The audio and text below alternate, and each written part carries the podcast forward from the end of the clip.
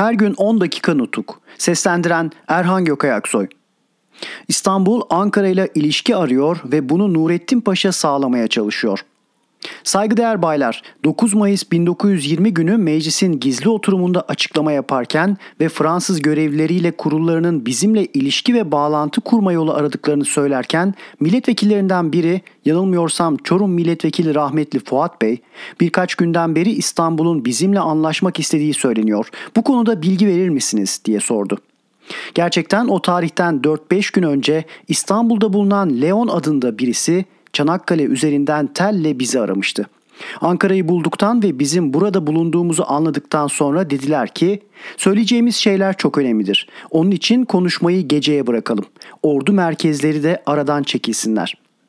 O gece görüşmediler ama bir iki gece sonra yine aradılar. Bu kez karşımıza çıkan kimse eski İzmir valisi Nurettin Paşa imzasıyla bir tel yazdırdı. Bu telde şöyle deniliyordu.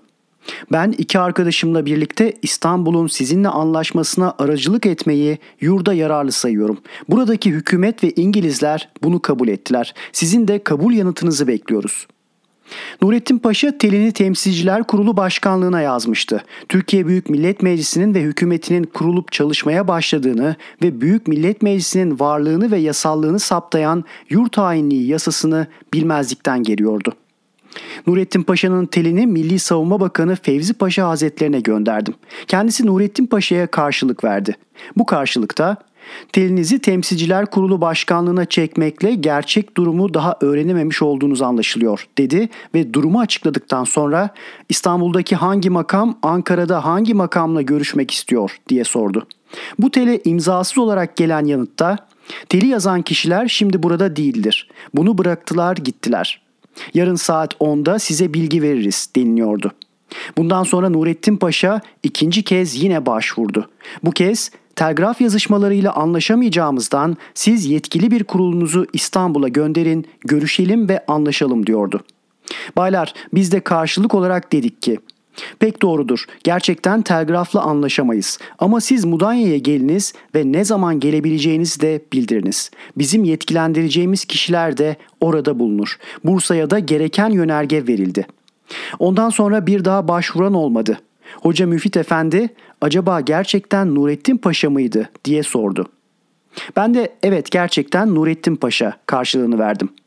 Baylar, Nurettin Paşa aracılığıyla İstanbul'dan gelen bu isteğin Anzavur'un Balıkesir bölgesinde yenildiği ve Bolu'da başarı kazanmaya başladığımız günlere rastladığını da belirtmeliyim. Nurettin Paşa Ankara'da. Baylar Nurettin Paşa'dan bir daha tel yazısı almadık ama kendisi Diyarbakırlı Kazım Paşa ile birlikte 1920 yılı Haziran'ı ortalarında Ankara'ya geldi. Bizimle işbirliği etmeden önce kimi konular üzerinde görüşümüzü anlamak istediğini bildirdi. Bu konular şunlardı. 1. Halifeliğe ve padişahlığa karşı düşünce ve görüşümüz. 2. Bolşeviklik konusundaki görüşümüz. 3. İtilaf devletlerine karşı özellikle İngilizlere karşı dahi savaşa karar verip vermediğimiz. Görüşme Tarım Okulu'ndaki karargahımızın bir odasında geceleyin yapıldı. Bu görüşmede Nurettin Paşa ile birlikte gelen Kazım Paşa'dan başka Fevzi ve İsmet Paşalar da bulunuyorlardı. Nurettin Paşa birinci ve ikinci soruları aldığı yanıtları pek inandırıcı bulmadı. Ama özellikle üçüncü sorunun yanıtı uzun ve ateşli tartışmalara yol açtı. Çünkü biz demiştik ki amacımız ulusal sınırlarımız içinde toprak bütünlüğümüzü ve ulusun tam bağımsızlığını sağlamaktır. Buna engel olmak üzere karşımıza çıkacak kuvvet kim ve ne olursa olsun hiç duraksamadan çarpışırız ve başarı kazanırız. Bu konudaki karar ve inancımız kesindir. İşte Nurettin Paşa bir türlü buna inanamıyor ve bunu kabul edemiyordu. Sonunda kendisine dedik ki bu konuda görüşmeyi kabul etmekle yeni inançlar edinmek ve kararlar almak söz konusu değildir. Sen bugüne değin ulusun iyice belirmiş, gerçekleşmiş inançlarına uyacaksın.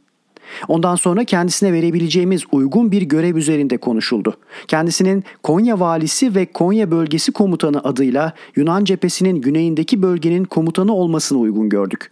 Asıl Batı cephesi için komutan olarak Ali Fuat Paşa'yı 18 Haziran 1920'de görevlendirdik. Baylar o günlerde Yunan cephesinde düşmanın hazırlıklarda bulunduğu anlaşıldığından cephenin önemi arttı. Bu yüzden Nurettin Paşa'nın göreve atanmasını sonuçlandırmadan ve kendisini görev yerine göndermeden ivedilikle Batı cephesine gitmem gerekti. Nurettin Paşa'yı görevlendirme işleminin bitirilmesini Genelkurmay Başkanı İsmet Paşa'ya bıraktım. Gerçekten düşman bütün cephe üzerinde saldırıya geçmişti. Bizim birliklerimiz çekiliyorlardı. Nurettin Paşa cephedeki elverişsiz durumu anlayınca İsmet Paşa'ya görev kabul edebilmek için bir takım koşulları bulunduğunu ve hükümetçe bu konuda karar alınması gerektiğini söylemiş. O koşullara göre hükümet yurdun yönetiminde ve önemli işlerde temelli ve kesin karar almadan önce Nurettin Paşa'nın düşüncesini sormak ve onayını almak zorunda olacaktır. Çünkü Büyük Millet Meclisi hükümeti üyeleri Tevfik Paşa ve benzeri gibi olgun yaşta denenmiş kişiler olmayıp genç bir takım kimselermiş.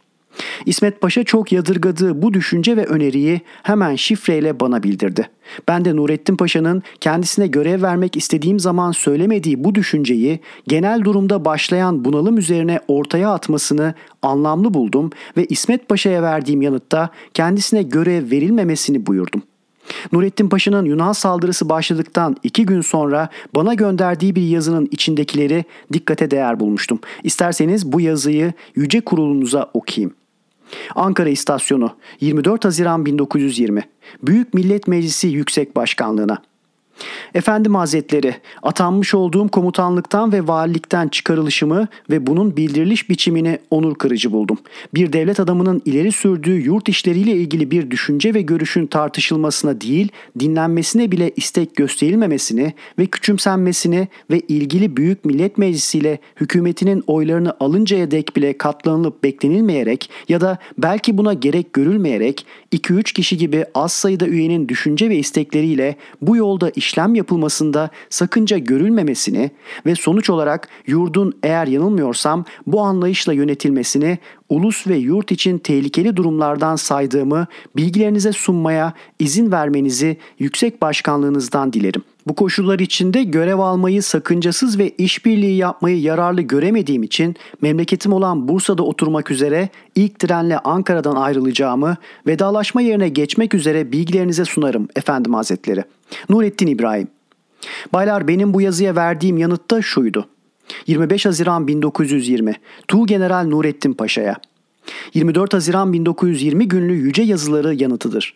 Söz konusu edilen komutanlık ve valilik görevi Milli Savunma ve İçişleri Bakanlıklarınca size resmi olarak daha bildirilip verilmemişti. Bundan dolayı ne atanmış ne de ayrılmış değilsiniz. Yalnız size görev verilmesi tasarlanmış ve bu konuda düşünceniz ve kabul edip etmeyeceğiniz sorulmuştu. Atanmanız daha karara bağlanmadan düşünce ve inançlarınızdaki kararsızlığın genelkurmay aracılığıyla öğrenilmesi üzerine atanmanızdan vazgeçilmesi Bakanlar Kurulunca kararlaştırıldı. Böyle bir karar için sandığınız gibi Büyük Millet Meclisi Genel Kurulu'na gidileceği eldeki yasalarımız gereğinden değildir. Bursa'ya gitmenize ve orada oturmanıza gelince içinde bulunduğunuz askerlik mesleği dolayısıyla bu iş için yönteme göre Milli Savunma Bakanlığı yüksek katına başvurmanız gereği bildirilir efendim. Büyük Millet Meclisi Başkanı Mustafa Kemal Nurettin Paşa Bursa'ya değil ama Taşköprü'ye gitmiş ve uzun süre orada kalmıştır. Bundan sonra da kendisine yeniden birkaç konuda değineceğiz. O konuları da sırasında gereği gibi açıklayacağım. Türkiye Büyük Millet Meclisi hükümetinin dış işleri üzerine verdiği ilk karar Moskova'ya bir kurul gönderilmesi. Baylar kurulan Büyük Millet Meclisi hükümetinin dış işleriyle ilgili ilk kararı Moskova'ya bir kurul göndermek olmuştur. Kurul Dışişleri Bakanı Bekir Sami Bey'in başkanlığındaydı. İktisat Bakanı Yusuf Kemal Bey üye bulunuyordu. 11 Mayıs 1920'de Ankara'dan yola çıkan kurulun temel görevi Rusya ile ilişki kurmaktı. Rusya'nın hükümetimizle yapacağı antlaşmanın bazı ilkeleri saptanıp 24 Ağustos 1920'de ön imzası yapılmış olmakla birlikte durumun gereği olarak uzlaşılamayan kimi noktalardan dolayı antlaşma gecikmiştir. Moskova Antlaşması diye anılan devletler arası belge ancak 16 Mart 1921'de imzalanabilmiştir. Saygıdeğer baylar, yurt içinde yer yer beliren iç ayaklanmaları izlemekte gecikmeyen Yunanların ilk genel saldırısı gözlerimizi yeniden batıya çevirtecektir. Yunanların ilk genel saldırısı Yunanlılar 22 Haziran 1920'de Min hattından genel saldırıya geçtiler. Kuvvetleri 6 tümene yükselmiş bulunuyordu. 3 tümenle 2 koldan Akisar Soma yönünden, 2 tümenle Salihli yönünden, 1 tümenle de Aydın cephesinden saldırdılar. Düşmanın kuzey kolu 30 Haziran 1920'de Balıkesir'e girdi ve süvarileri de 2 Temmuz 1920'de Mustafa Kemal Paşa ve Karacabey'i işgal etti. Bu düşman karşısında bulunan 61 ve 56. tümenlerimiz Ulubat Köprüsü'nü yıkarak Bursa'ya doğru çekildi.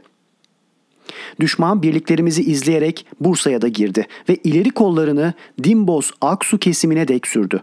Bunun karşısındaki kuvvetlerimiz çok sarsıldı. Eskişehir'e dek çekildi.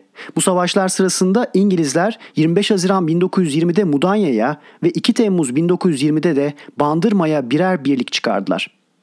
Salihli yönünde doğuya ilerleyen iki Yunan tümeni de 24 Haziran'da Alaşehir'e girdi ve daha sonra ilerleyerek 29 Ağustos'ta Uşak'ı aldı. Dumlupınar sırtları elimizde kalmak üzere bu bölgeye dek ilerledi. Bu düşman karşısında bulunan 23. Tümen ve ulusal kuvvetlerimiz çok sarsıldı ve Aydın'dan ilerleyen bir Yunan kolu da Nazilli'ye dek geldi. Bu savaşlar sırasında tümenlerimizin kadro durumunda olduklarını ve daha güçlendirilmelerine olanak bulamadığını biliyorsunuz. Baylar ben de Eskişehir'e ve oradan ileri bölgelere gittim. Gerek orada ve gerek başka bölgelerde bulunan kuvvetlerimizin düzene sokulmasını buyurdum. Yeniden düşman karşısında düzenli komutaya bağlı cepheler kurulmasını sağladım. Her gün 10 dakika nutuk. Seslendiren Erhan Gökay Aksoy.